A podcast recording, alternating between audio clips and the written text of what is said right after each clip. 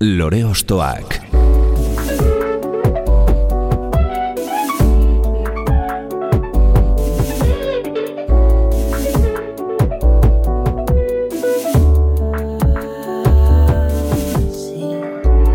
Ekain perezek aurkeztuta, gonbidatu bakoitza lore bat balitz bezala ostokatuko dugu.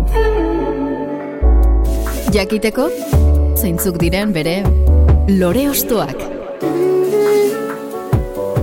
Haupa, zer moduz, ongi etorri lore ostoak era. Nafarroako estena oparoak azken urteetan emandako proposamen interesgarri horietako batekin gatoz gaurkoan. Irunberrin eman zituzten lehen pausuak han baitute entxegu lokala. Eta, horrela, ibiliz ibili, Euskal Herriko txoko ezberdinetan ere indute beraien hitz eta doinuen hasia.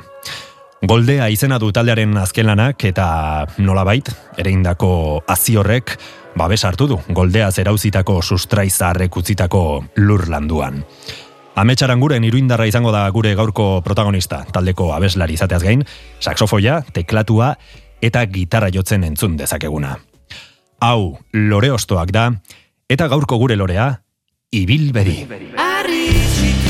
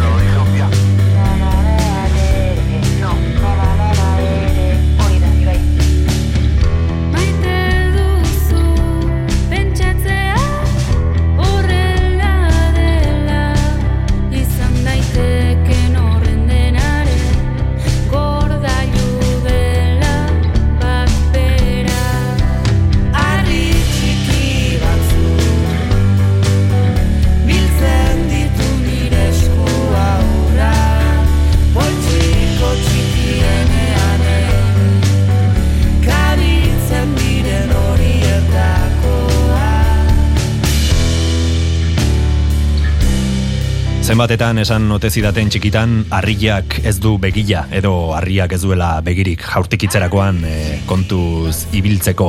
Baina begiak izango balituzte, ziur zuen poltsikoetan gustura hartuko luketela ostatu. Ametxaran guren, ongietorri lore ostoak era. Eskerrik asko. Litekeen arena izena du entzun dugun lehen abestiak, diskoko azkena, hain zuzen, eta bertan, izan daitekeen horren denaren eh, gordailu dela bat bera, diozu. Zure izena amets izanik, agian eh, programatuta zaude, litekeen horretan pentsatzera edo azken batean amestera. Wow, gehiagil izateke hori. Bai, e, aspaldi nuen entzuten, eh, kanta. Eta Ah, bai? hm, gustatzen zait, uste gustatzen zait dala. E, saldi hori, berez, bueno, hasiera batean etzegon pentsatua kanta hontan sartzeko, Mosi kanta pf, honek badu igual historitxo la, luzeago bat. E, diskoan honen aurretik doan kantua zitekenarena, da pixka bat bere, bere anaia edo, edo aizpa bikia, ez? Mhm. E, bueno, biak entzuten baldin baituzu ikusiko duzue e, litekenarenaren letra osorik dagoela aurreko kantuan eta da hasiera batean, bueno, nik deskribapen bat nuen, irudi baten deskribapena idatzia nuen eta kantu bat egiten hasi ginen horrekin eta momentu batean ikusi genuen bagenuela melodia bat oso ongi enkajatzen zuena e, letra horren zati batekin, hasierako zatiarekin baina ez zuela zentzu handiegirik e, beste melodia bat sortzeak gainerako letra sartzeko. Orduan, erabaki genuen kantu hau e, bere horretan uztea, eta bai, e, irailan, iazko irailan, iruñeko labaretoan egin genuen ensaio ireki batean lagun batek e, aipaturik, bueno, lagun batek aipatu zigun, e, jo, pos jakinda, kantu hontan badagola letra zati bat, baina geratzen dela e, beste letra zati bat e, pixkator kanpo bezala, e, niri pena ematen dit ez jakiteak gainitzeko letrak esaten duen. Eta eta iratiren komentario hori hartuta esan genuen, jo, pues, egia da, ez? Igual letra honek gainera izan da letra bat e, bere osotasunean zentzua duena, igual merezi du e, beste kanta bat. Eta, eta horregatik dira pixkat bikiak ikusten genuen bazuela zentzua. Aurrekoa pixkat tono tristeago batean edo geratzen da, Bai. eta eta honek ba, e, bueno, modu hipotetiko horrekin ere ematen dio aukera. e, ez dakit ez du baterik isten. Eta justo ipatu esaldi hori da aspaldi lagun batek, e, bueno, aspaldi, duela urte pare bat edo lagun batek botazian esaldia, e, esaten zuena, gustatzen, gustatzen zitzaiola edo gustatzen zaiola e, dena ikustea e, bizitzan edo ulertzea mm, ea ongi saltzen dudan. Berdin da zer, eh? berdin da disko bat, e, harreman bat, edo, bueno, edo zein egora gustatzen zaiola ikustea, izan daiteken horren guztiaren mm, gordailu bat balitz bezala, ez? E, denak gordetzen duela bere baitan izan daiteken hori guztia. Orduan, naiz eta momentu batean autu bat egin eta eta autu horrek baldintzatu bide bat, beste aukera hoio guztiak oraindik ere badaudela. Hor daudela. Bai, Mhm. posible direla. Eta pixkat ikusten nuen e, bazuela zentzua litekeenarena kantu hortan. Mhm. Aipatzen dituzun harri txikiak e, komposizio mailan izan daitezke gero sortzen dituzuen ideiak, ez? Eta gero e, hoiekin zer eraiki pentsatuz osatzen duzue abestia nola baitez? Mhm, bai, e, musikaren esparrura eramanda izan daiteke. Bai, eta gainera justo gure taldean pixkatora funtzionatzen dugu, ez bakoitzak ekartzen du harri txiki bat eta eta hoiekin osatzen ditugu kantuak oso modu ez dakit, oso modu kolaboratiboan edo Mhm. Ibai Osinaga, Areta Senosiain, Javier Larrañeta eta Eder Eskalera dira zurekin batera ibilbedi osatzen duzuenak. Mhm. Nola ezagutu zineten eta e, nola sortu zen ibilbedi? Ba, bueno, Javierrek izan ezik beste laurok e, instituto berean ikasi genuen. Eta horrez gain konservatorioan ere laurok ez, ez leku berean, oza, ez klase berean eta, baina kointziditu genuen ere. Eta, eta Javier bazen ibaik aurretik bazuen beste, beste lagun bat. Orduan, bueno, ba, genera matzan urte batzuk edo ibaik batez ere esaten zuen, ez jo, momenturen baten egin beharko genuke zerbait elkarrekin, egin beharko genuke, egin beharko genuke, baina, bueno, betiko hori, ez, hor geratzen den hori. Litekenaren. Hori da, hori da.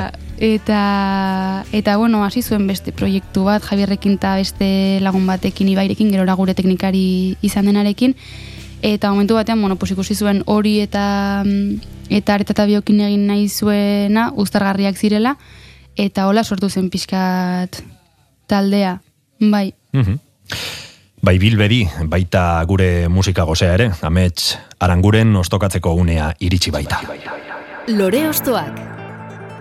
Gonbidatu bakoitza lore bat balitz bezala ostokatuko dugu.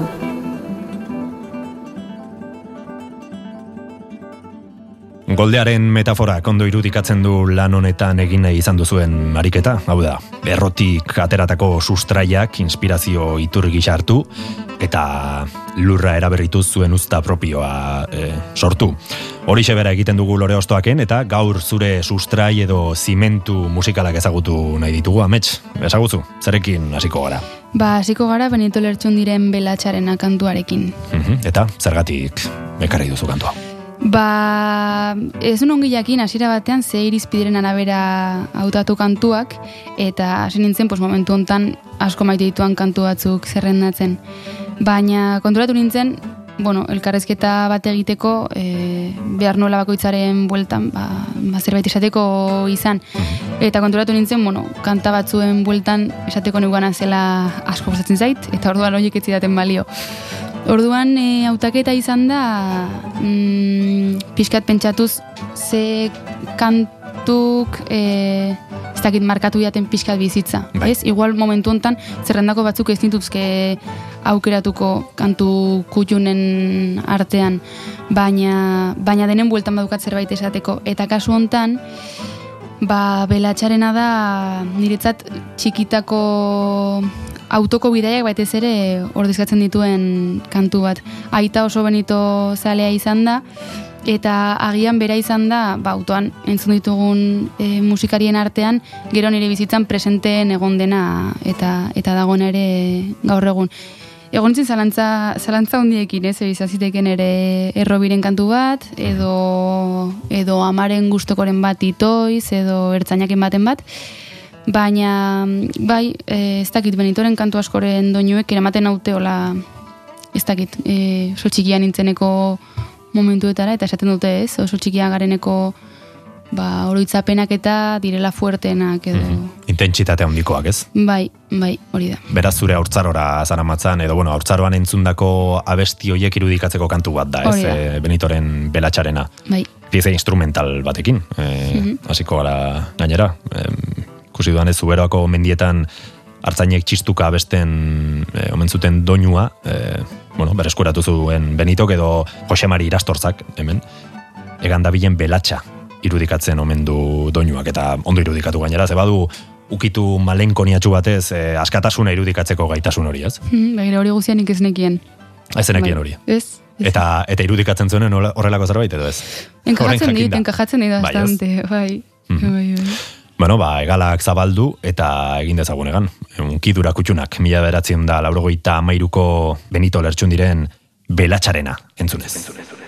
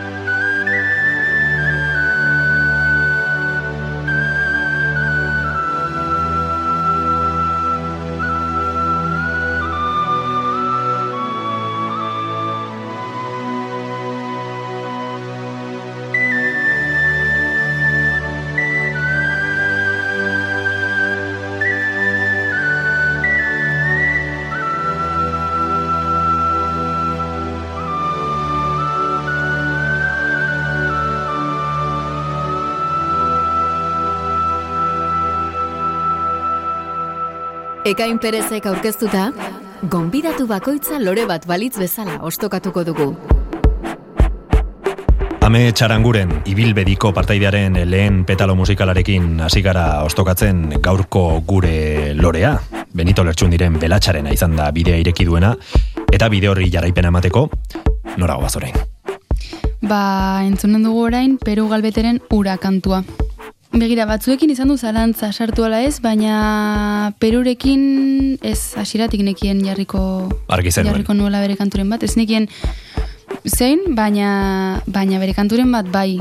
Eta kasu honetan pasatzen zait pixka bat, eta beste batzuekin ere bai, eh? baina mm, Peruren kasuan bereziki e, gehiago gustatzen zaidala bere musika jakin da bera nolakoa den ere, ez? Eta nola egiten dituen gauzak, eta Osea, oso islatua ikusten dut bere izaera e, kantuetan eta eta kantuak egiteko moduetan eta bueno, e, mirezen dut pertsonalki eta eta musikalki ere bai. Ezagutzen duzu, beraz. Bai, bai, ezagutzen dut, bai. Bai, zu arte harakilen e, bizi da, eh, bai, bai, ez? bai, uste dut oraingoz hor segitzen duela. Bera bai. bildarra da, baino Hori da. bizi Hori da, eta, bueno, irutzen zait dela pertsona bat e, asko sinisten duena egiten duen hortan, hori nabari da, pila bat, e, tempoak berak markatzen ditu, berek egiten duenaren egiten duenaren tempoak berak markatzen ditu, e, kantu guztiak dira bereziak, ez dakit nola, es, nola esplikatu hau, baina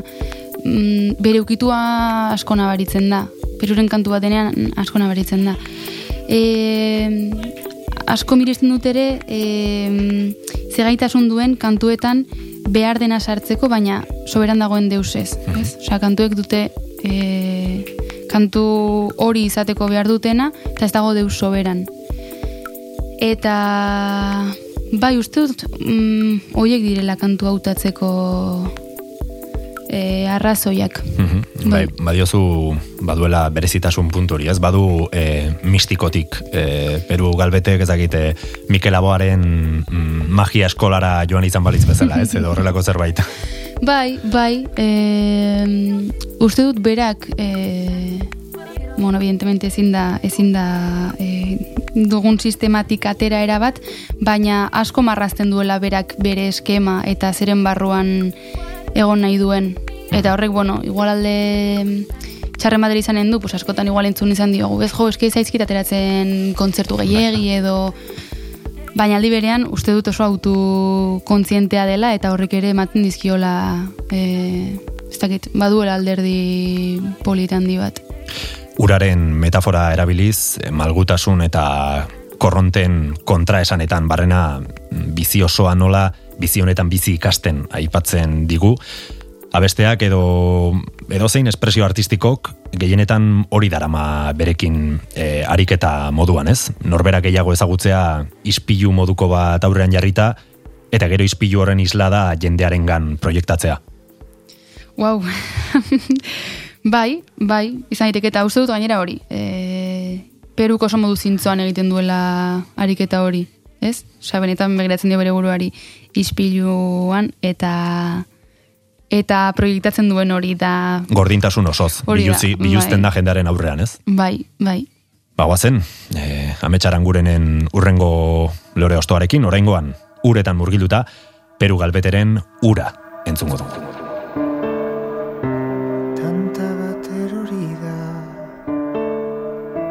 Ta gero beste konturatzerako Hasi da erreka Hain da moldagarria Hain da malgua ura Ta konturatzerako barrura saratu da.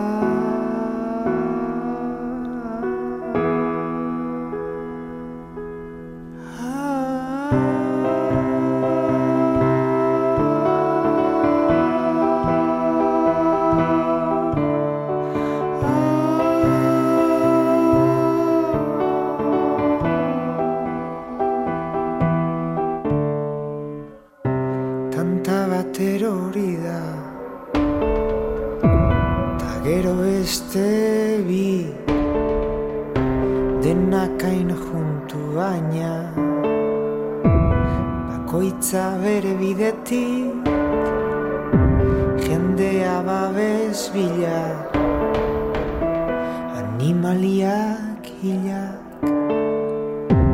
Ezin mugizintezken kaiolekera ia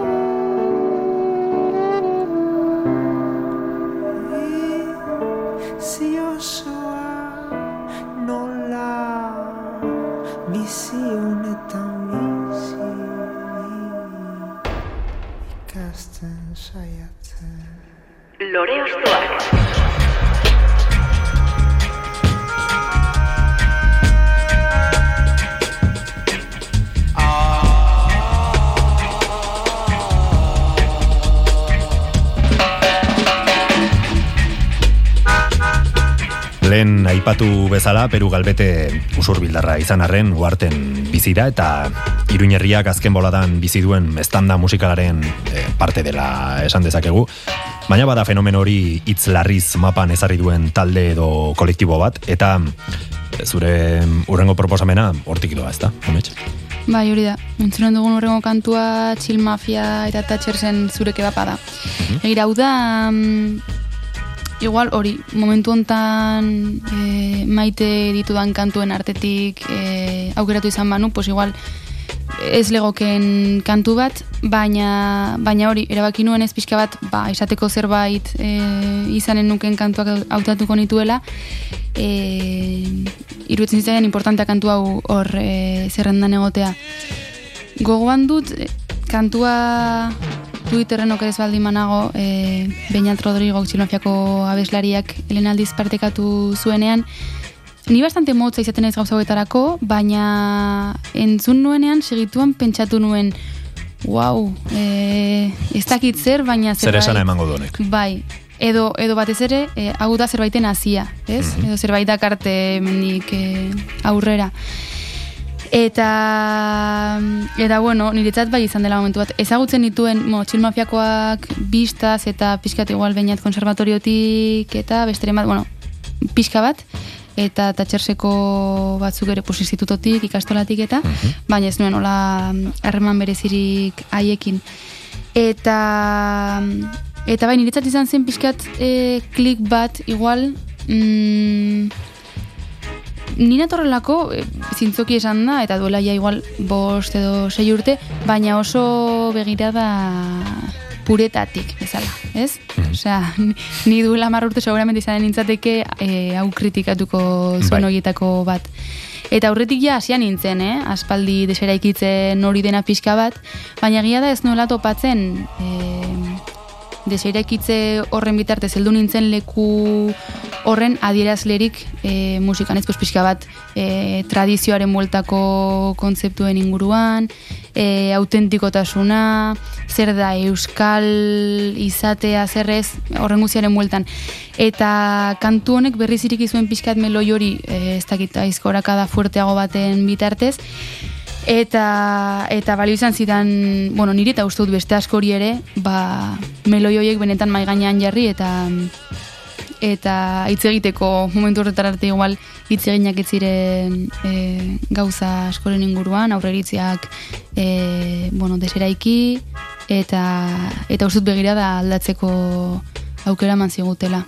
Zure kebapa kantua ekarri nahi izan duzu eta honek ba, oso ondo irudikatzen du lehen e, aipatu dan hori norberaren errealitatea islatzea naturaltasun osoz. Kasu honetan parranda usteko bueno, ia denok jan dugun kebapa e, abia puntutzat hartu eta horren inguruan ba, imaginario e, ganberro hori eraikiz askok e, punk berria bezala definituten fenomeno honetan, ez? Mhm. Bai, bai, gero, bueno, kontuak buelta asko eman ditu, e, ni oso oso alde egon naiz momenturen batean, igual ez diet dena erosi, baina... Claro, ze horrez da bakarrik e, musika, ze chill mafia musikatik aratago doan fenomeno bat izan da, ez? E, sare sozialetan e, zer esana izan dute ba, e, komentario polemiko askorekin eta Bai, ez, nahi zuzatuko hemendik zentzu hortan uste dut e, espazio asko egon dela hortaz hitz egiteko eta eta bueno, ni superpreseti e, bai, berrez gaia ateratzeko e, baina bueno, uste dut uka ezina dela aportazio handi bat egin dutela. mhm, zer esango zenuke dela chill mafiaren sekretu nagusia, horrelako arakasta izateko. Hmm. Mm, nik uste dut ez, ez dutela beldurrik izan e, emateko irudi bat Osea, eman duten irudi hortan aukera zegoen e, interpretazio diferenteak egiteko. Mhm. Eta ez dute beldurrik izan interpretazio horiek denak entzuteko, jakinda eskuartean zutena hortik asko zeraratago zijoala. Ez dakit ongi... Bai, ausar, ausardia eh, azaldu duten nola bait, ez? eh, Bai, eta horrekin? komplejuri keza edo niretzat, bueno, denetan ez dute, ez dute asmatu, baina, baina bueno, uste dut inork ez duela, ez duela asmatzen beti. Mhm. Ez horregatik, berpizkundea 2008 bateko txil mafiaren lana ireki, eta bertatik hartuko dugu beraz, zure kebaba.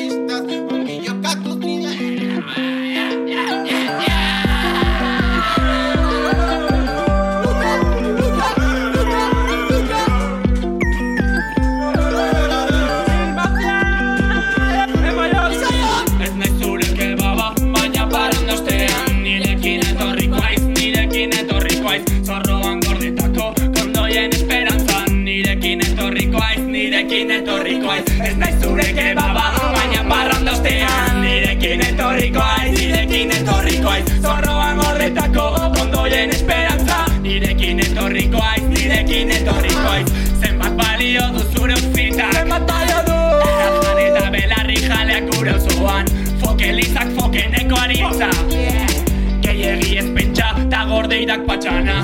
Zenbat balio du txupito agari tontan. Bazkiz bat bezala noa egiteko txortan. Non gorde dut boltsa, non galdu dut kotxa Non galdu dut lotxa, segurazki rotxa Ez dakitze koska, ez dakitze hostia Nola bueltatuko naiz etxera Lo egiteko indarra falta zait. Gautxagu kotxean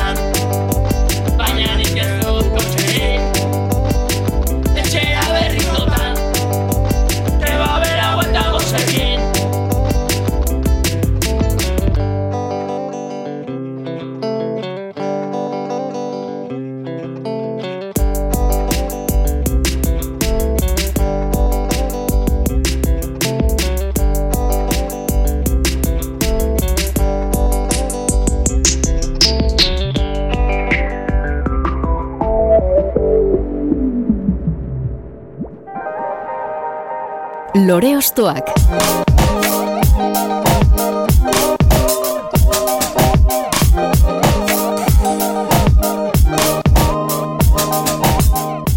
Bagoa aurrera, ibili zibili, ibilbedi edo ame txarangurenen lorea ostokatzen, eta urrengo proposamenak hareman zuzena dauka ibilbedirekin, ezta?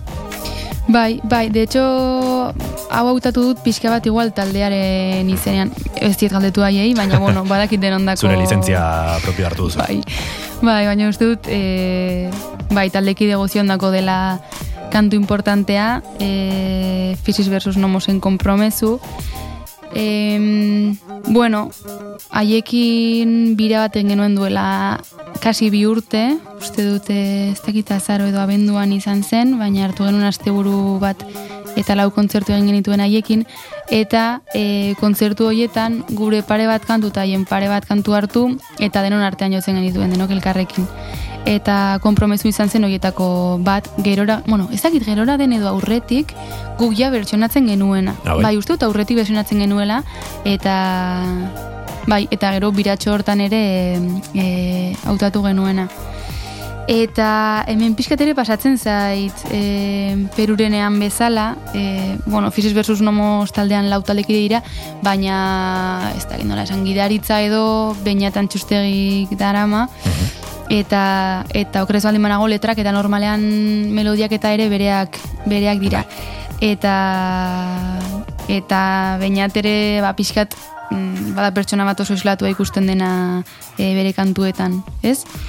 Mm, irutzen zait letretan e, baduela bere originaltasuna, e, beste jende batek, eta igual zako hortan ni sartu naiteke ere, zakit, kantu batzuk igual, edo gai batzuk kantuetan sartzen dituenean oso modu, ez dakit, apaindu edo poetikoan sartzen dituen bezala, ba, bainatek nahiko kontrako bidea hartzen du, eta eta nahiko gordin eta eta zuzen botatzen ditu gauzak eta bestetik e, izan zen pixkan niretzat konfinamenduko kanta Osa, konfinatu ginen, ginen momentuan, nik uste hor nuela buruan, eta eta egia da entzuten dudan aldiro oroitzen naizela hilabete hoietaz.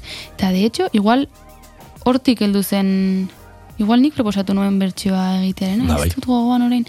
Baina, bai, eta gero ipatuko beste kantu batekin ere pasazaidala, ze, klaro, autaketa egiteko momentuan, e, egia da Spotify izan dela pixkan dire txibatoa, eta ja- jarri naizela begiratzen, ba, mi- 2008-tik ona, hori Bai. egiten dizunean urteroko tunenen, horietako hori bat, ez bai? Eta bada kantu bat, e, azkeneko lau bost urtetan, lau edo bost, igual gehiago, mo, ez dakit. Azkeneko urtetako zerrenda hortan agertzen zaidana. Eta orduan, Mhm. Zure topean dagoena bestieta Bai, bai, esan nuen, jo, pues hau sartu beharko dut importantea da. Mhm. Gogoratzen naiz gainera hemen izan genuenean, eh, txusta edo bainatan txustegi, eh, aipatu zuen, ba, zuekin egindako bira antologiko Egia. hura eta eta ba, oroitzapen oso politekin kontatzen zuen, ez? Bai, eta, bueno, bai. eh, zuen kantu bat ekarri zuen, gainera, ba, hori islatzeko. Bai, oso harreman polita geratu da egia esan. Mhm. Bai. izan zen. Konpromezuaz hitz egiten du hemen, e, txustak, da. araronionean, mm, diskoko kantuan esan bezala 2008koa, konfinamendu garai mm, Mhm. Uste dut txuhoi dena baino lehenagokoa. Aurretik ere bazutela Bai, kantua, abesti ez? hau, eh, ez dakit beste bitanero edo abestu duen beste bi diskotan, baino berak esaten zuen hau zela definitiboa bezala. Vale. Hau da bertsio ona, esan dezakegu Vale. jondela pixka bat evoluzionatzen eta horrea, horrea iritsi zen. Eta konpromezua aipatuta musika talde batean hitz garrantzitsua da, hori ez? E, bakoitzak bestearekiko duen konpromisoa gauzak aurrera eramateko eta e, sinisteko benetan egiten marizareten horretan, ez? Bai, zaila izaten da batzutan, eh? Horre, bueno, normala den bezala, ez? Gure kasuan bost, bost pertsona e, bost pertsona gara taldean, bakoitzak badu bizi diferente bat, lan diferente bat, mm, bost herri diferentetan bizi gara, eta, bueno, e, egia esan orain arte oso ongi moldatu gara. Baina, bueno, bai ikusten direla momentu batzutan ez, ez tentsioak, baina bai, bueno, bakoitzak zikuntaraino duen lehentasun gisa Noski. taldea eta eta beste gauza batzuk non kokatzen dituen eta hori dena. Baina bueno, egia da oraingo ez dugu larazo berezirik izan horrekin eta nahiko bide berian goraz- goazela bostok. Mhm. Bardezagun, beste behin, Fisis versus Nomosen abesti puskau, gartxotun zainen koruen laguntzaz, hau da, kompromezu. Ia segin azinik Kompromezuari eutxiz Irudiona emanez Ala ere Irrifarrakin topo egin gabe. Sentsazio ugari egi bihurtu barik orain. Oartzen naizen bat galduta dauden. Zer esango duten pentsatzen duzulen bizi Ez zaitezkezka burukeriokin Klandestinoki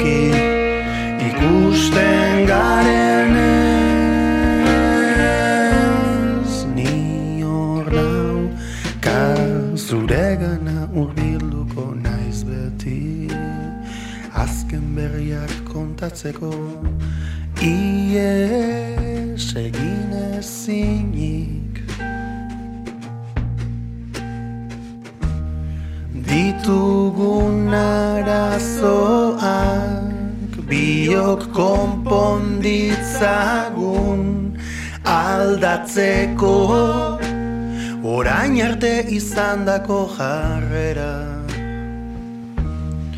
Errespetatu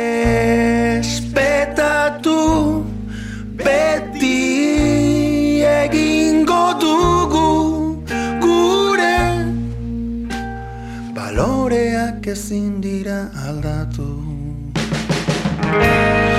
Zer esango duten pentsatzen duzulen bizi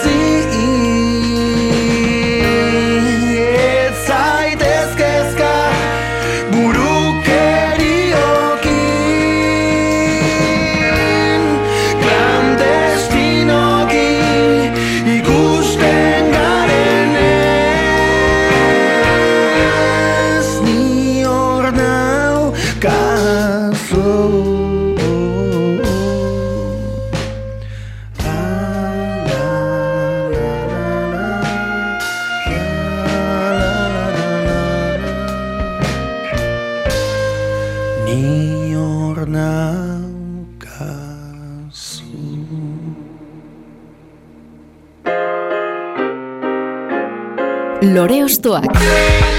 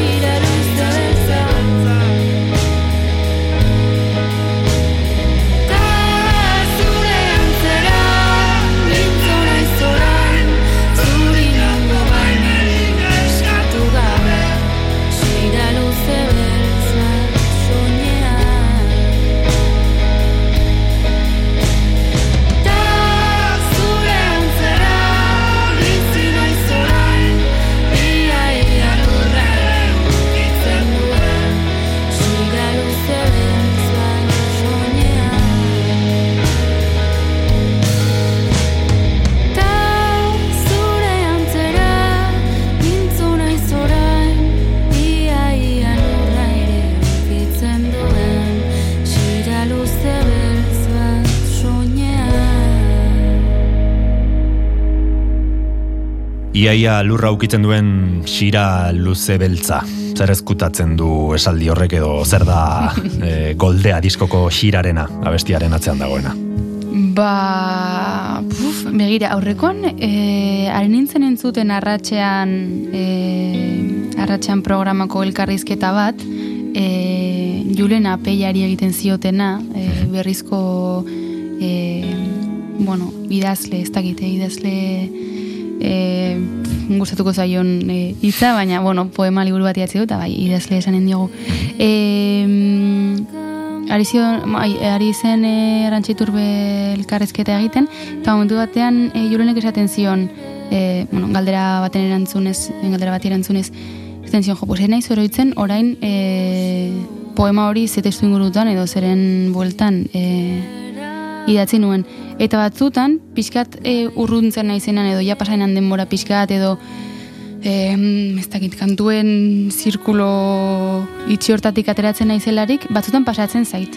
E, sartu behar naizela berriz, letra ongi begiratzen eta eta pentsatzen, bale, hau noiz idatzi nuen, momentu hontan, bale, momentu hortan zer izen pasatzen, hau, orduan hau idatzi nuen, iritsin zelako nahe, pasatzen zaiz pixkat hori.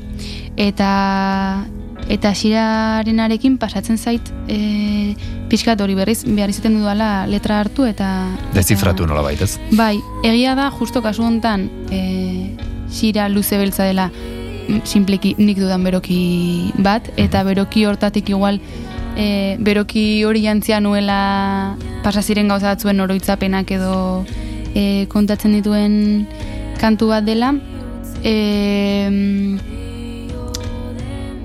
bai, bai, uste dut hori hori dela momentu hontan e, xirarena kontatzen duena. Seguramente hori jarriko banintz berriz letra hartzen, e, topatuko nituzke beste gauza batzuk, eta ikusiko banu, ah, pues hori atzen nuen ezakin noiz, eta Beti interpretatu daiteke em, hitz bat, ez? Eta, baina, Bai. bueno, hor eh, kontatzen duzunaren arabera, ba, nolabait, e, xira beltz hori jantzita zenuenean zure inguruan gertatutako hori ba, Hmm. islatzen duzu nolabait, ez? Ha, gero ere, ez zait, ez zait bereziki interesatzen e, momentu hortan idatzi nuen arrazoi hori e, edatzea denboran, eh? Bai. Iruditzen zait interesgarria, momentu hortan e, pasa zen hori, irudi hauen bidez e, atera baldin ba zen, eta horrek beste jende bati beste irakurketa batzuk egiteko aukera ematen baldin badio, jazta hori dela pixka kantuaren funtzioa ere, ez? E, bai, bai. Eta gustatzen zaite egin galdetzen duenean letren inguruan, baina gustatzen zaite ere e, etortzen denan aurrekoan basaitzaidan e, larrabetzun egon ginela jotzen ustailan eta Katxalin Barzena e, J. Martineko Katxalin e, bueno, lagunak, lagunak dira etortzitzaia momentu batean eta esan zidan Amets, uste dut kantu hau perimetroarena kantuaren Bai. bueltan esaten zidan e, dela honen, honen, honen eta honen ingurukoa eta gustatu zitzaidan zehetzen izan kantu honek ze esaten du ez, esan, Bai. izan zen direktamente nik kantu entzuten dudanean hau imaginatzen dut eta esan nion, joe, eskerrik asko eskertzen dut pila bat olako ekarpen bat eta de hecho esan nion, pues igual idatziko dizut eh, esan ez favorez idatziz pasatzeko Ja. eh, kantu bakoitza zuretzat zer den Mhm. eta oso guapo dago ikustea ez? Eh, Bai, ze irakurketa egiten duen Bai, bakoitzak, ez? bai. Niri gertatu izan zait hemen, eh? E, ba, artista baten kantua tentzun, edo letrak irakurri, eta argi eta garbi zerbait ulertu, Hmm. e, artistarekin konpartitu, eta esan, e, ba ez, ba ez da hortik. Baina, bueno, Mhm. baino, baino nik hori imaginatu dut, ez? Eta hori ere e, ariketa horren parte da, eta hori da polita, ez? Bakoitzak, ba, bere, bere mundua osatzea, liburu bat irakurtzen duzunean bezalaxe, edo ez film batek hain itxia ematen dizun bezala ba, ingurunea edo, ez? E, irakurtzerakoan beti irekiago geratzen da dena. Ja, nintzen hori pentsatzen. E, igual existitzen da, eh? baina jo, irakurle klubak dauden bezala, egon zitezken ere... ez? Letren kluba edo. Bai, bai, osan itza- litzaidak izatea olako espazio bat e, kantak egituen beste jende batekin edo kantak egiten ez zituen jende batekin, eh? Bak- baina entzule entzulea den beste jende batekin e, letren bueltan hitz egiteko gustatuko Mhm. litzaidake. Eta hori somatzut pixkat faltan, eh? Bueno, E, hemen, hemendik saiatuko gara pixka bat mm, hori bultzatzen. Hemendik gonbitea. Bestela nola lantzen duzue sorkuntza prozesua? E, hitzetatik musika egiteraino edo edo alderantziz. E, nola nola osatzen duzue kantu bat? Bueno, ez dugu eskema itxirik horri dago kionez. E, askotan aipatu dugu, baina azken disko hau adibidez, ikusten dugu izan dela e, hiru diskoetan modu kolaboratiboenean sortu den diskoa, e, laguna asko pasa dira entsaio lokaletik, e, irun berritik haien aportazioak egitera, e, haien kritikak egitera, eta eta egia da, e, izan dela disko bat, naizta gure izenean atera, jende askok e, aportatu duena, eta jende askoren artean egin dena. Normalean, e, gutakoren batek eramaten duela ideia nagusi bat edo, bueno, hasi bat, azteko zerbait izan daiteke melodia bat, izan daiteke akorde segida bat, izan daiteke letra zati bat, edo batzutan igual letra zati bat ja melodia batekin, baina, baina egia da, e, kantua janzteko prozesu hori denon artean egiten dugula. Mhm. Bai, Kantuaren arabera, aldatzen doa. Bai, bai, kantu batzuk eginagoak datozia etxetik, beste batzuk bat ere ez, eta bai, eta aldatzen, aldatzen jaten da hori. Gero niretzat hor badago e, gauza bat, batez ere identifikatu duan azken diskontan, eta da, pues adibidez, xirarena kantuaren e, hasi hori nik eraman nuen, ez? E, letra eta eta melodia eta melodia. Eta, klaro, nik hasia baldin manuen ere, nik ja imaginatua nuen hasi horrek emanen zuen lorea edo, ez? Bai. Baina, klaro, nik hasi hori eramaten baldin badut taldera... Badakizu ez dela, hori da, Hori ez da, zuk imaginatutako lorea Hori izango. da, hori da. Eta hor bai, eta zehazki kanta hontan, e, kostatu zaidala pixka bat, e, ez dakit nola amore matea ere, baina esatea, oza, ez da nire kanta bat, Bai. da taldearen kanta bat, eta, eta de hecho, nahi dut izatea taldearen kanta bat. Eta orduan, pues, nik asko zere ez dakit, nola esan. Nik ibairen kantuik ez nituen imaginatzen, Mhm. edo, edo estribillora heltzeko momentu hori ez nuen, Lerketa hori edo. lerketa hori ez nuen imaginatzen, asko Bai. zere... mm, Txikiagoa edo intimoagoa edo. bai, hori da, hori da. Osea, hasieran duen kutsu Bai, hori bai. imaginatzen nuen kantu osoan zehar. Baina, baina superpozik, eh? elikatzen du horrek, ez? Azken finean jende ezberdinaren e, burutatik ateratako gauza batek, ez beti, noski, baina bueno, e, bai sortzen du zerbait, e, ezberdina edo bueno, ikuspuntu gehiagotatik ikusia denez, ba, jende anitzago baten gana iristeko gaitasuna izan dezake, ala ez, eh? Baina, bai, bueno, bueno, hori ez zait bereziki importa, eh? Baina bai zela pizkat, joe, talde bat gara eta talde batean gaude eta eta nahi dugu egon orduan Bai. bueno, e, beste batzuk beste gauza batzuekin ere ez da amore eman, baina bueno e, bai, malgu diren bezala ba nik ere izan nahi dut izan nahi dut horren parte eta zentzu hortan beti beti beti daukagun arau ez idatzi bat da proposamen guztiak probatzen direla. Osea, batek zerbait esaten badu, naiz eta beste bat iruditu... Astakeria bat. Bai. E, beti probatzen da, dena. Eta horrekin sorpresa asko eraman ditugu. Normalean zu eta ibaien artean eh, egin ohi dituzue hitzak, baina bada rara abis bat mm, goldea diskoan.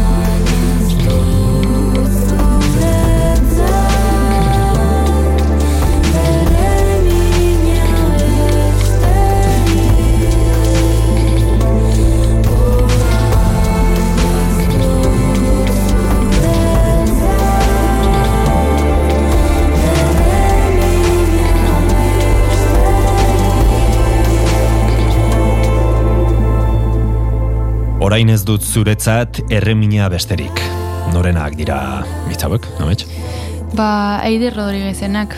Mhm. Idazle errenteriarra, ez? Hori da. Eta bai. nolatan jozen duten bere gana edo hitz hauen gana. Hmm, ba, nien naiz bereziki kolaborazio zalea, egia esan. Eta iruditzen zait, e, bueno, ez iruditzen zait, ez dut, ez dut beste nahi paituko, baina e, nik kolaborazio bat e, ez dakit eskatu izan dudanetan izan dela eiderren hau eta aurreko diskoan anarirena irutzen zait e, oso justifikatua egon behar dela. Edo zentzu bat izan behar duela, funtzio bat, edo ez, ez da e, eskatzeagatik, edo sartzeagatik, edo ez da e, ez dakit, ez dakit noren gana heltzeko, edo eta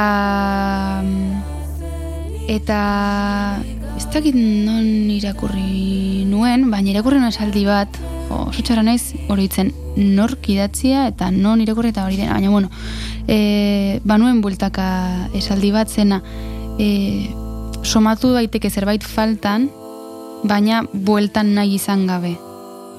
Ez? Eta, eta bueno, pues, pentsatu nuen, jo, nik askotan sentitu dut hori, ez? Zerbait faltan somatu, baina bueltan pentsatu eta... Bai, distantziaz, ez? E, agian beste testu inguru Bai. batean onartuko zenuke, baino ez orain. Hori da, eta de hecho hor letran eider momentu batean esaten du, ez? E, urruntasunak edertzen du Bai. paisaia. Eta, eta esaldi horren bueltan, nahi nuen, nahi nuen letra bat, baina ez nuen, a ber, nola esan, e, ez nuen letra kursi bat nahi. Esaldiak ematen du bastante egorrer hortzeko. Eta, eta iruditzen zitzaidan, eider alzela izan, e, bueno, bere idazkeragatik, eta e, hori, bueno, hortarako letra batekin asmatu zezakeen norbait.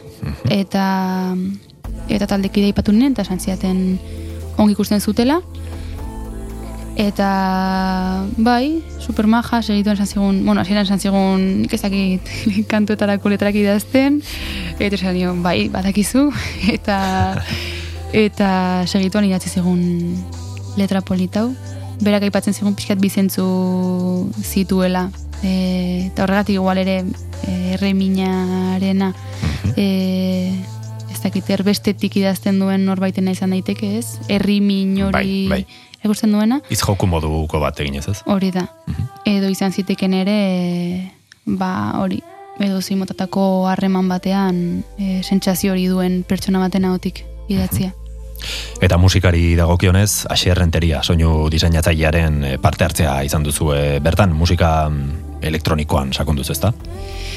Bai, begira, kantu hau ere izan zen pixka bat, nola aurrekoarekin aipatu dudan, igual zerbait imaginatu eta gero e, bukaerako piezaren artean, bueno, tarte handi bat zegoela, bakantu honekin eta nire buruan ere pasatzen pixka hau. Nik imaginatzen nuen oso, oso pieza korala edo modu baten esateko, oso- garbia, ez, oso ahotsak eta, eta listo, eta hor harmonia berezi batzuk topatu.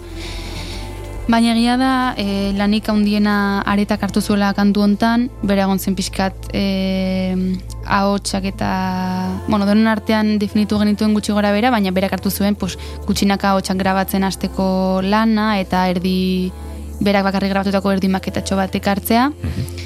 Eta, eta berak bai imaginatzen zuela, pues, orain den bezala, bai eta guk ez dugu horren bueltan gehiagi kontrolatzen eta horregatik esan zen, bueno, pues jo ezagegu hasierren gana eta eta berak laguntzen gaitu.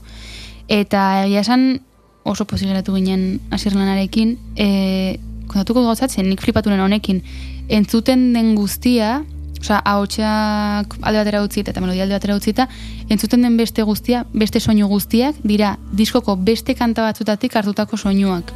Osea, ez dago deus sartu duena berak asmatua. Dena izan da... Ibilbe diren soinu hartu du. Bai, Azken finean, ez? osea, hori da, Bai. hartu ditu, pues, ez dakize kantutako biolinak, eraman ditu, mugitu ditu, e, eta guapo dago, guapo dago pentsatzea hori. Bai, kontzeptu moduan interesgarria da, ez? Bai, bai, berak aportatu duen guztia dela, hor zegoen horretatik hartu... Berak egin du, baino aldi berean zuek zarete. Hori da, bai, bai, baina bueno, lana berea, berea izan Bai. da, eh, eta, eta oso eskertua gaude, bai. Zuen talde soinua definitua dagoela esango zenuke, edo oraindik bilaketa prozesu batean zaudetenaren sentsazioa duzue. E,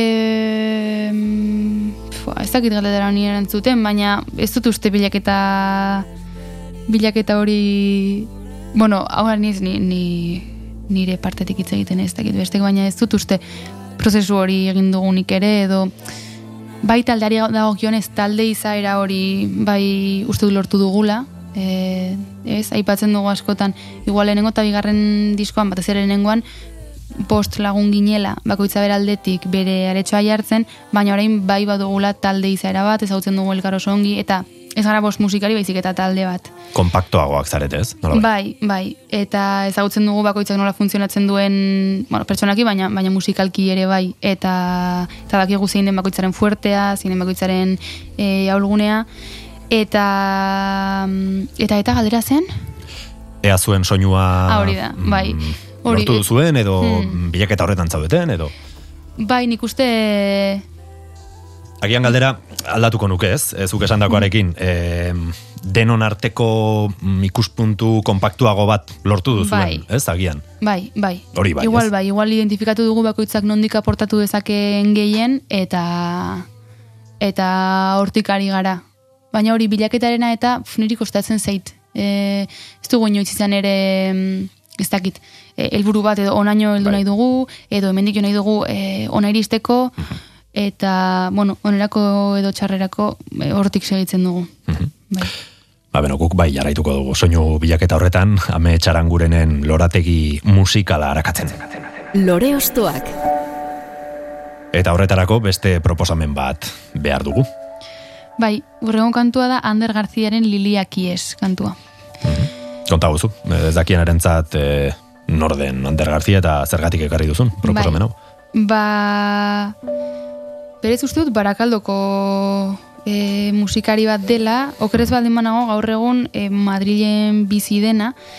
E, egia da, bueno, kantu hautatu dudala, bertxo hautatu dudala, baina nik beste bertxo baten bitartez ezagutu nuela hau, Ah. eta da, e, iruñeko lurpekariak taldeak bere horrez baldin banago itxasotik iturrira izeneko diskoan badu, badu kantu honen bertsio bat e, irua hotxetan emana Mhm. hor daude Ander García bera, Nerea Erbiti eta Jon Celestino kantuan Vale. eta mm, bai, duela bost edo sei urte, bost urte edo ikusi nuen lurpekariak taldearen aldiz e, zuzenean katakraken eta ez dakit horreman zuten edo horren bitartez gero iritsi nintzen ni beste entzutera igual, igual beranduago eta izan zen kanta bat Buah, oso oso hasieratik eh, harrapatu ninduena oso fuerte, izan nuena buklean, buklean, buklean. E, iruditzen zaidana gainera, baduela letra bat, e, dakit, mm, dakizu, e, simpletasunak edertasun gorena e, adirazten duenean, ba, niretzat pizkat da hori. Osea, kantu audio topari, entzungo nauzun horri, lurro paroari, niretzat horrekin bukatzea kanta bat, da, da pasada bat. Eta hortik iritsi nintzen, e, Ander Garziaren bueno, kantuntara, baina bere disko, diskontara eta beste disko batzutara ere bai. Mm, Baditu asko, bueno, euskal tradizioko kantuen e, bertsioak dira, jazz mundura eramanak, eta hau berea, berea da. Hori da. Eta honen bertsioa ere e, egiten genuen lehen ibilbedirekin. Ah, bai?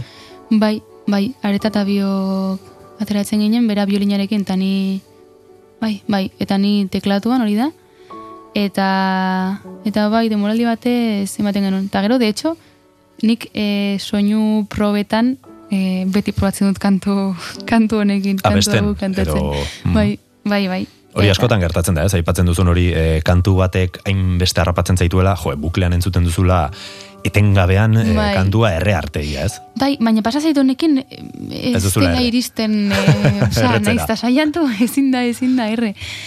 bai, ez dakit, ez dakit zer duen niretzat eh, oso oso oso guapo dago eta gero beste kantu batekin ere aipatuko dut hori, eh, bakarrik melodia batekin ja eh, hainbeste egiten denean, irutzen zait instrumentoak sartzea dela error maximo. Eta eta kantu honetan lurpekariaken bertsioan eh, hori, ahotsetan geratzen da bakarrik eta buah, pasada, pasada. Ez bali entzun, pff, entzun dezala negoziak.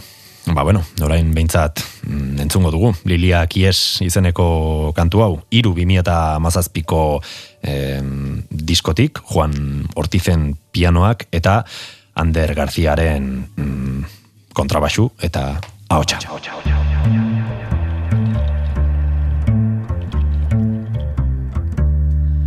Ezaidan larru bizi, non dituan ikusi, liliak iezi.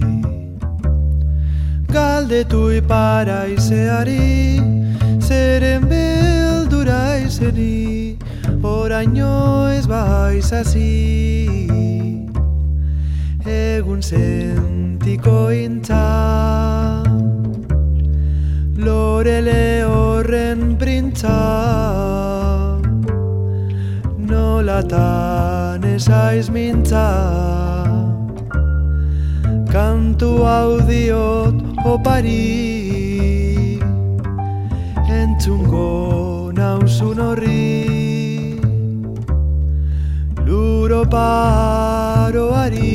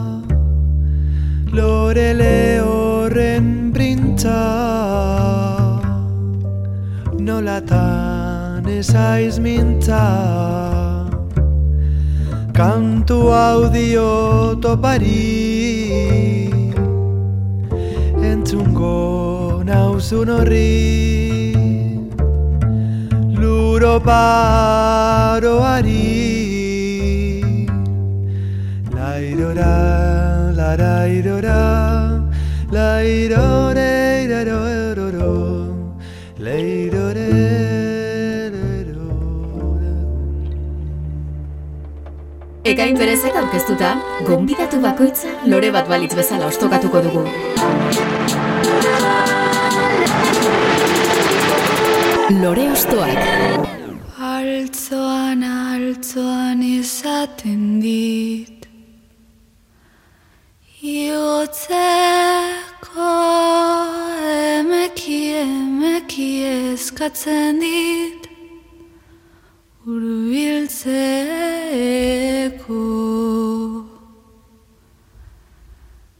Gertu, gertu nagoenean Hartzen dit eskua dirudi dirudi bat batean Iberra mundua.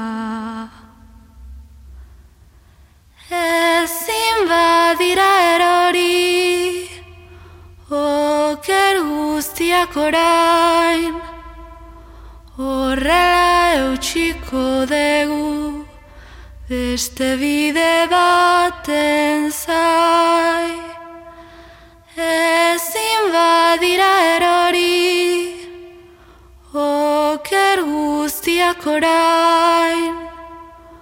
Horrela eutxiko dugu beste bide baten Ahotsaren presentzia biluziaz zentzun dugu, Berde Prato Tolosararen kondaira ederrura, 2008 bateko lan bikaineko kantu hau. Aurkeztu ezazuzuk, amets, ze kantu da hau, eta zergatik lortu du mm, lekutxo bat zure zerrenda honetan. Ba, bueno, agian aurreko kantuaren bidetik doa hau ere, asko asko gustatzen zait.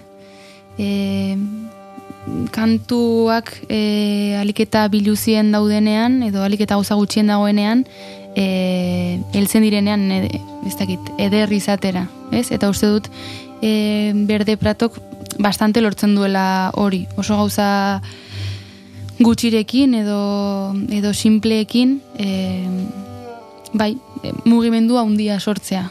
Eta eta gogoan dut e, lehen aldiz ikusi nuenean e, zuzenean, izan zen e, Bartzelonako herri txiki bateko festival batean, kasualidades, bat eta oroitzen naiz, mm, edo hori zen lehenengo aldea edo? Bueno, ez dakit, baina ikusi nuen, iaz izan zen hau.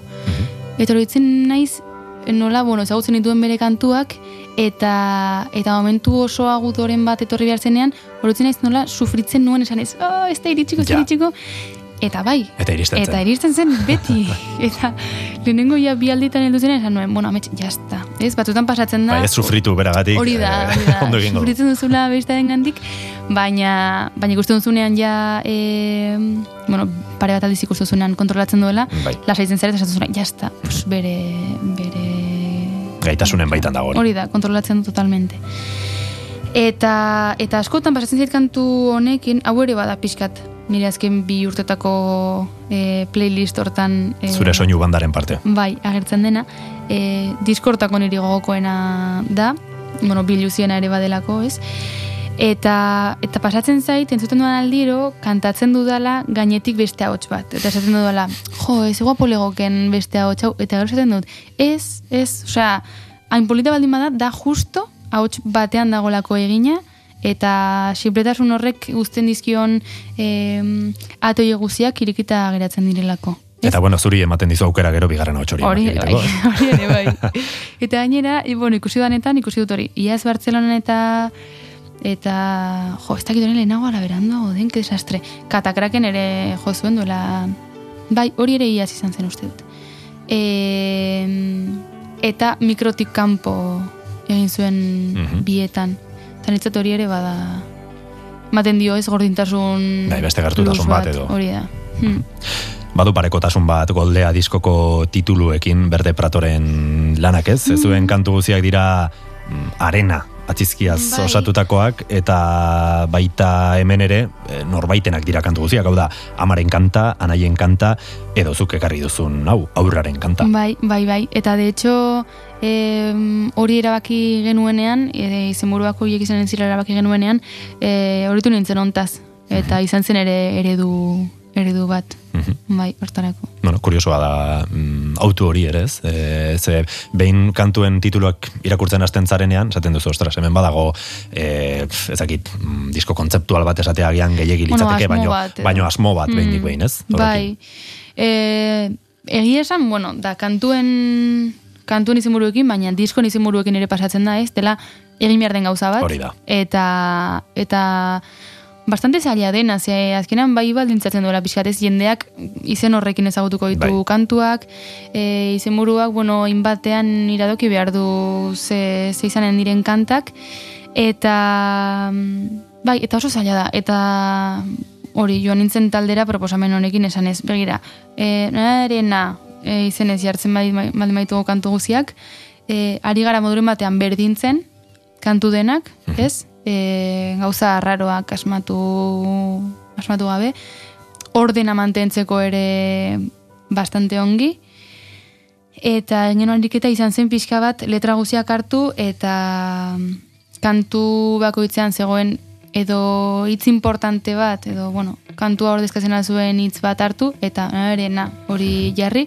e, azken bi kantutan izan ezik, e, zitekenarena eta litekenarena hoietan. Bueno, ena hori mantentzen da, baina hitz horiek ez daude, ez daude letretan.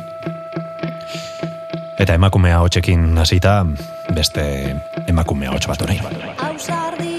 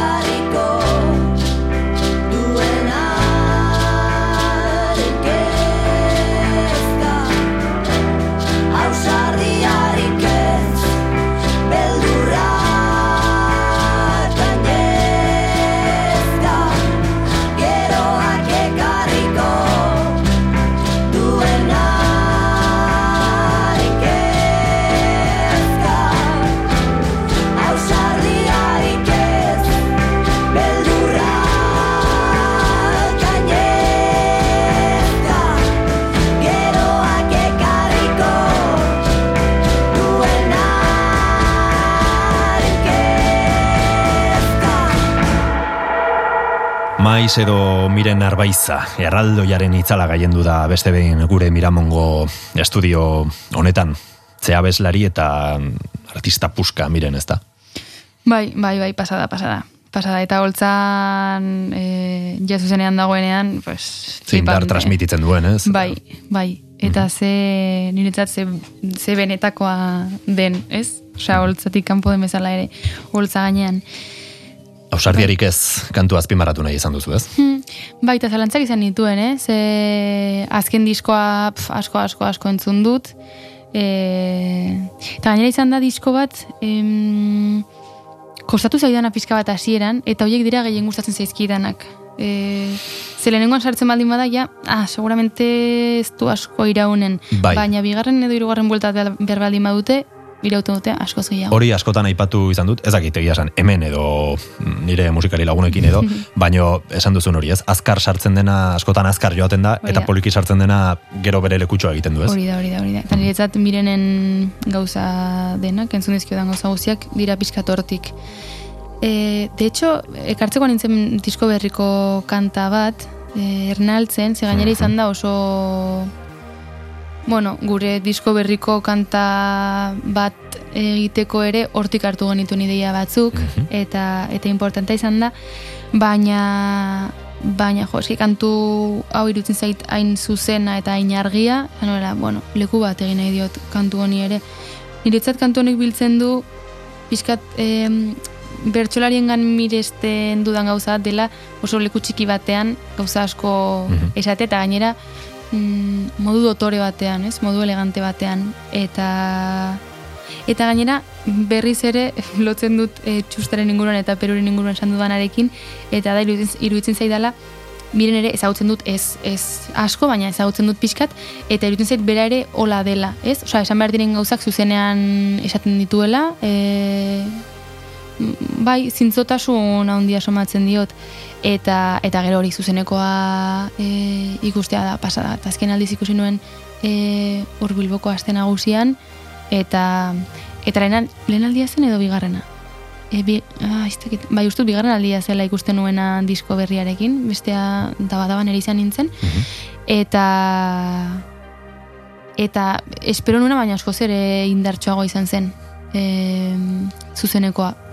Bai, bai, pasada. Eta irutzen zait ere, e, bueno, perurekin esan dudan bezala, mm, kantu guztietan dauden gauza guztiak daukatela zentzua. Ez dagoela deus soberan. Eta, eta kantu guztiak daukatela e, bere, bere izaera edo, ez? Askotan esaten da, eta normalean da gustatzen ez ezkigun taldeekin, ez? Jo, eske, ez da gustatzen, eski kanta guztiak igualak dira. Bai. Ez dut uste inork esan dezakenik e, mirenen azken disko honen bueltan, kanta guztiak igualak dira, es imposible. Eta hori ere asko gustatzen zait, ertzetara e, joateko gaitasun hori. Mhm, Zabalkunde hori ez, edo Hmm. gainera hemen lautada kontzeptu izan da azken diskoan erez, ba, Bai. lautadako zabalkunde horrekin ez. Bai, bai, oso ongi islatua geratu dela. Ekarri diguzun ausardiarik ez e, kantua esaldi honekin amaitzen da. Horrela jarraituko duzu maite, barura begiratzen hasten zaren arte. Mm. Ausaldi, ausardia falta horrek, e, hau da, barruan duzuna onartu eta kanporatze ez horrek sortzen duen egonezinaz hitz egiten du nola baitez? Bai, bai, eta eta ez dakit zergatik imaginatzen dut e, miren jakin gabe, eh, nondik atera den kantua, baina imaginatzen dut bera beste norbaiti hori esanez, e, berak ariketa igual aspaldi egina duelarik. Ez? Bai, gustatzen zait mm, gordintasun hori edo zen modu zuzenean e, ematen duen mezua. Bai, eta askotan e, beste bati abesten ari zarela dirudien arren, gertaiteke norberari abesten egotea ere. Hori ere bai, hori ere bai. Bai, bai, zutukatzen. Osea, ez dut ideiarik e, nondik eta eta eta nora kantatu duen edo idatzi duen kantu hau, baina bueno, berari esan da edo edo beste bati esan da ere, iruditzen zait mezua oso oso ongi dagoela islatua. Lore Ostoak.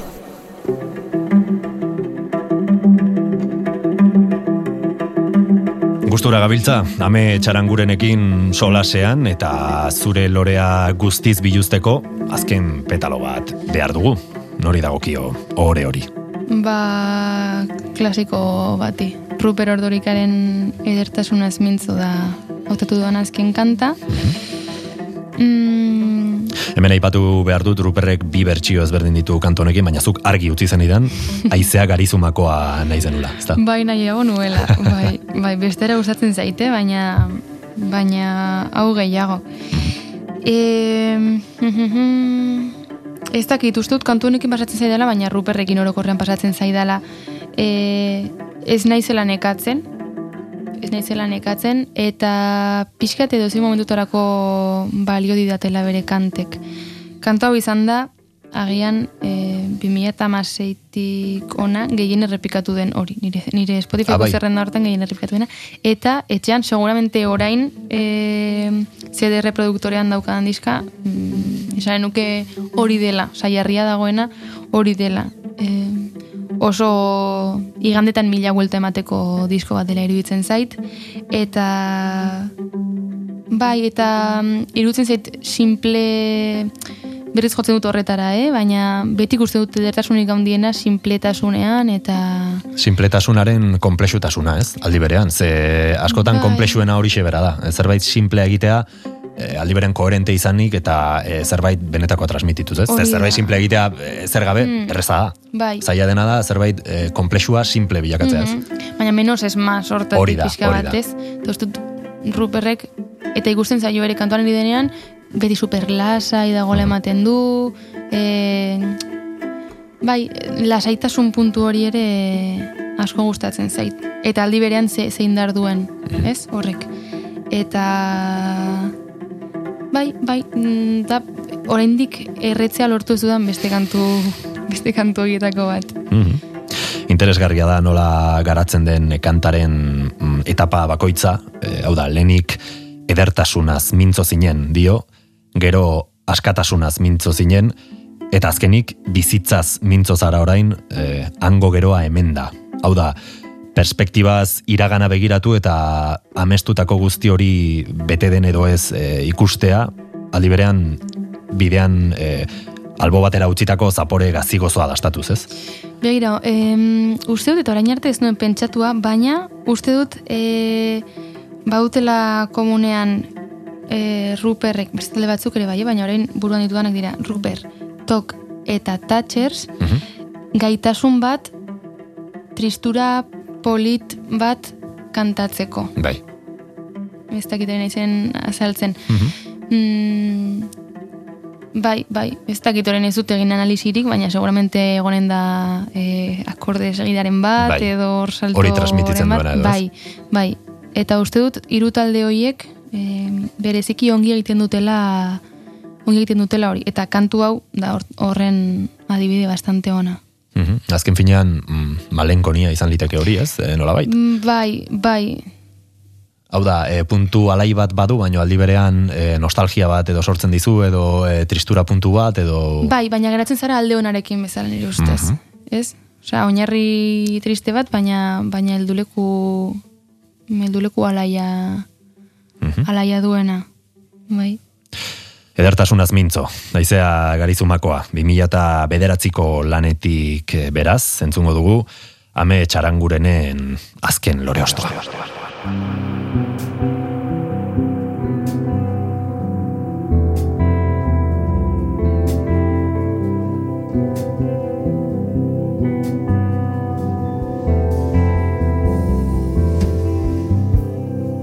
Edertasunaz mintzo zinen.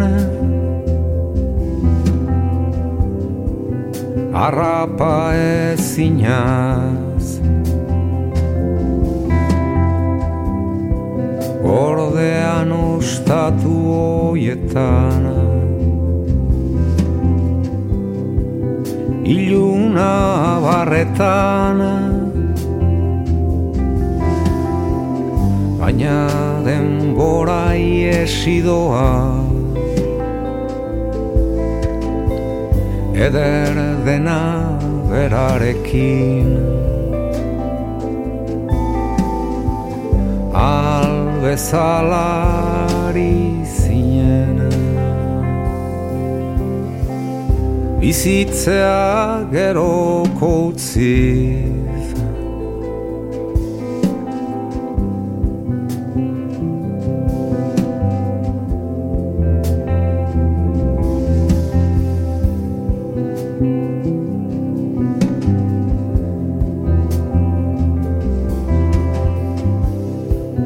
Askatasunaz mintzo zinen. Baita gogotik ekin. Borrokara emana. Eta bizitza doainik Eta denbora iesidoa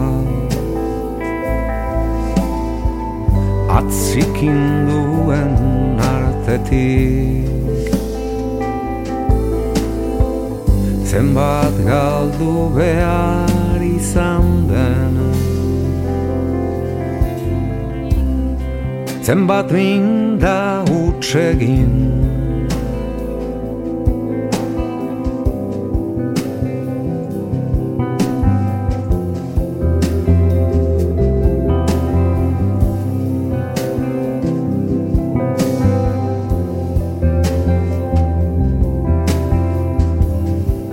Bizitzaz mintzo zara orain.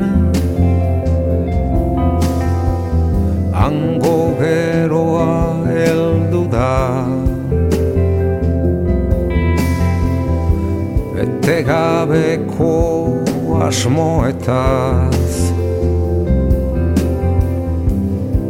Kalteaz eta ordainaz.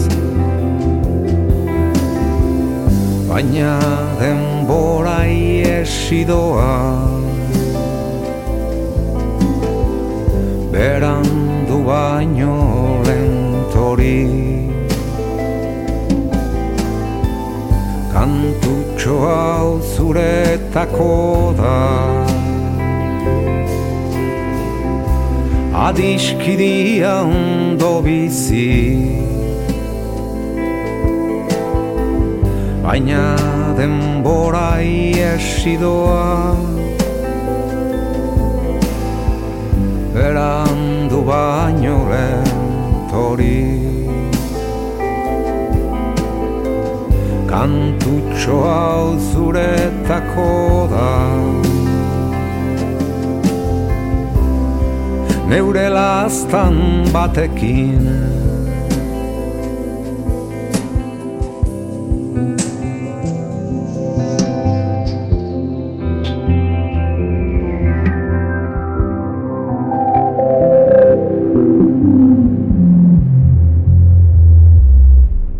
Lore Ostoak.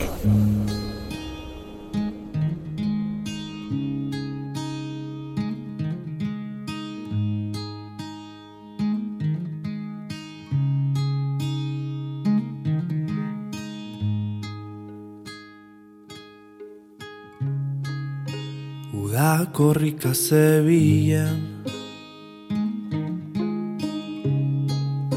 Ta gu esperoan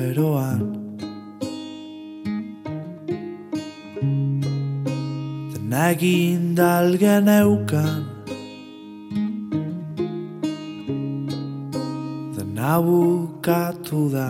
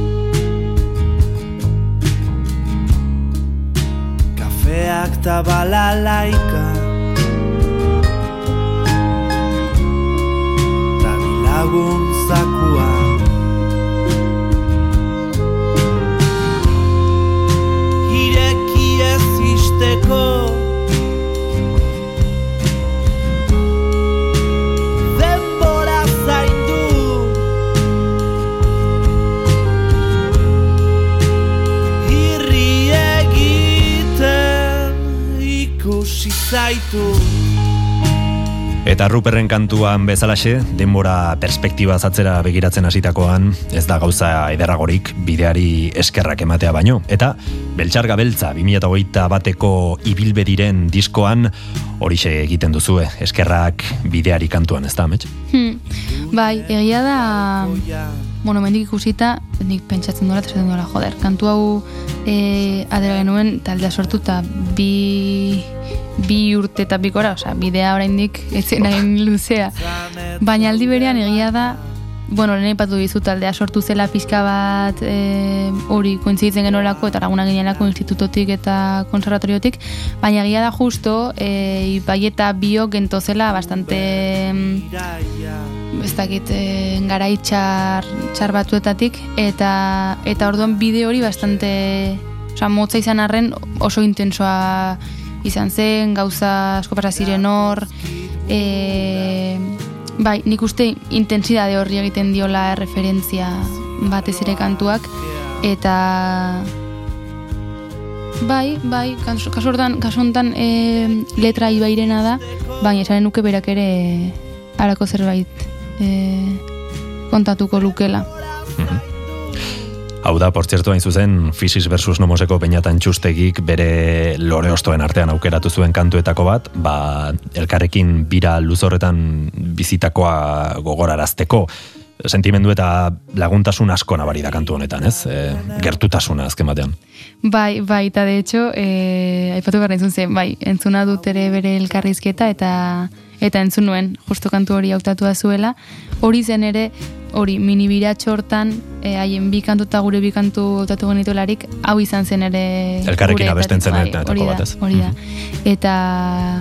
Eta bai, egia da e, lotzen dugula ere pixkat e, asteburu asteburu horrekin ze bueno, naizta bide motza izan izan ziren bi hiru egun oso intensoak, bueno, elkar, elkar bizitza e, parentesi bat eta eta bai, bai, gero aipatu duzun e, bideo hortan ere, bueno, e, hemendik kanpo Mikrotik kanpo aipatu dut, hori da, bai. Bai, badu kantuak ez gara oso bideoklip zaleak, baina badu bideoklip hola e, kasero bat eta horrere hauek agertzen dira. Bai, hori da. Asteburu, asteburu. Bai, bideo hau da, e, biraren egunerokotasunean grabatutako irudiak, ez? Bai. Bazuek e, jolasten, denbora pasan, Bai, eta bestelakoak, ez? Bai. E, soinu probak, eta... Bai, bai, e, momentuan igual ez nion e, zentzuan digerik ikusten, baina pff, horitzen naizen aldiro, eta batzutan horrenik sartzen naiz ikustera, eta pozten naiz pila bat. E, bai, lekuko, lekuko etasun hori izateaz. Eta bideari eskerrak eman ostean, aurrera begira mm, zer eskatuko zenioke bideari edo zer uste duzu datorkiola ibilbediri. Ba... Ba, orain arte bezala segitzea, nire ustez, e, ez dakit, espektatibarik egin gabe, e, deno gustora e, jarraituz taldean, e, bai, ez dakit ez dugu hola helburu edo helmugarik finkatua inoiz izan, eta, eta uste dut horregatik beste gauzatzen artean e, segitzen dugula ingustora eta nik uste hori dela. Egia da gauza batzuk e, bueno, bagira baki behar direla e, taldeak funtzionatzen segitu dezan, baina bueno, mm, malgutasun horrekin segitzea eta eta benetan e, egiten dugun egitea hortan sinisten baldin badugu beti ere, ez? Eta ez da inoiz izan mm, ez dakit kanpo faktore batzuek baldintzatua edo egin batean ala da, eh? beti da ala. Baina bueno, aldugun einean e, Oreka hori Lehenengo- mantentzea, ez? lehenengo taldea guretzat izan dadila, hori esteko. Ba izan dadila horrela. Eskerik asko, ona etortzeko gonbita onartzeagatik, amets aranguren, bihotzez, eta entzule guziekin ba, une hau konpartitzagatik. Zuri eskerrik asko. Zorte hon eta eh, bidea egiten jarraitu. Eta nik ere bideari eskerrak emanez, gaurko atalari amaiera emango diot, ez zuri, entzule, beste alde horretan egoteagatik eskerrak eman gabe noski. Ibilbe diren eskerrak bideari entzunez, bagoaz. Ondo izan, eta urren arte. Aita ama Zuena da garaipena Eskerrak bideari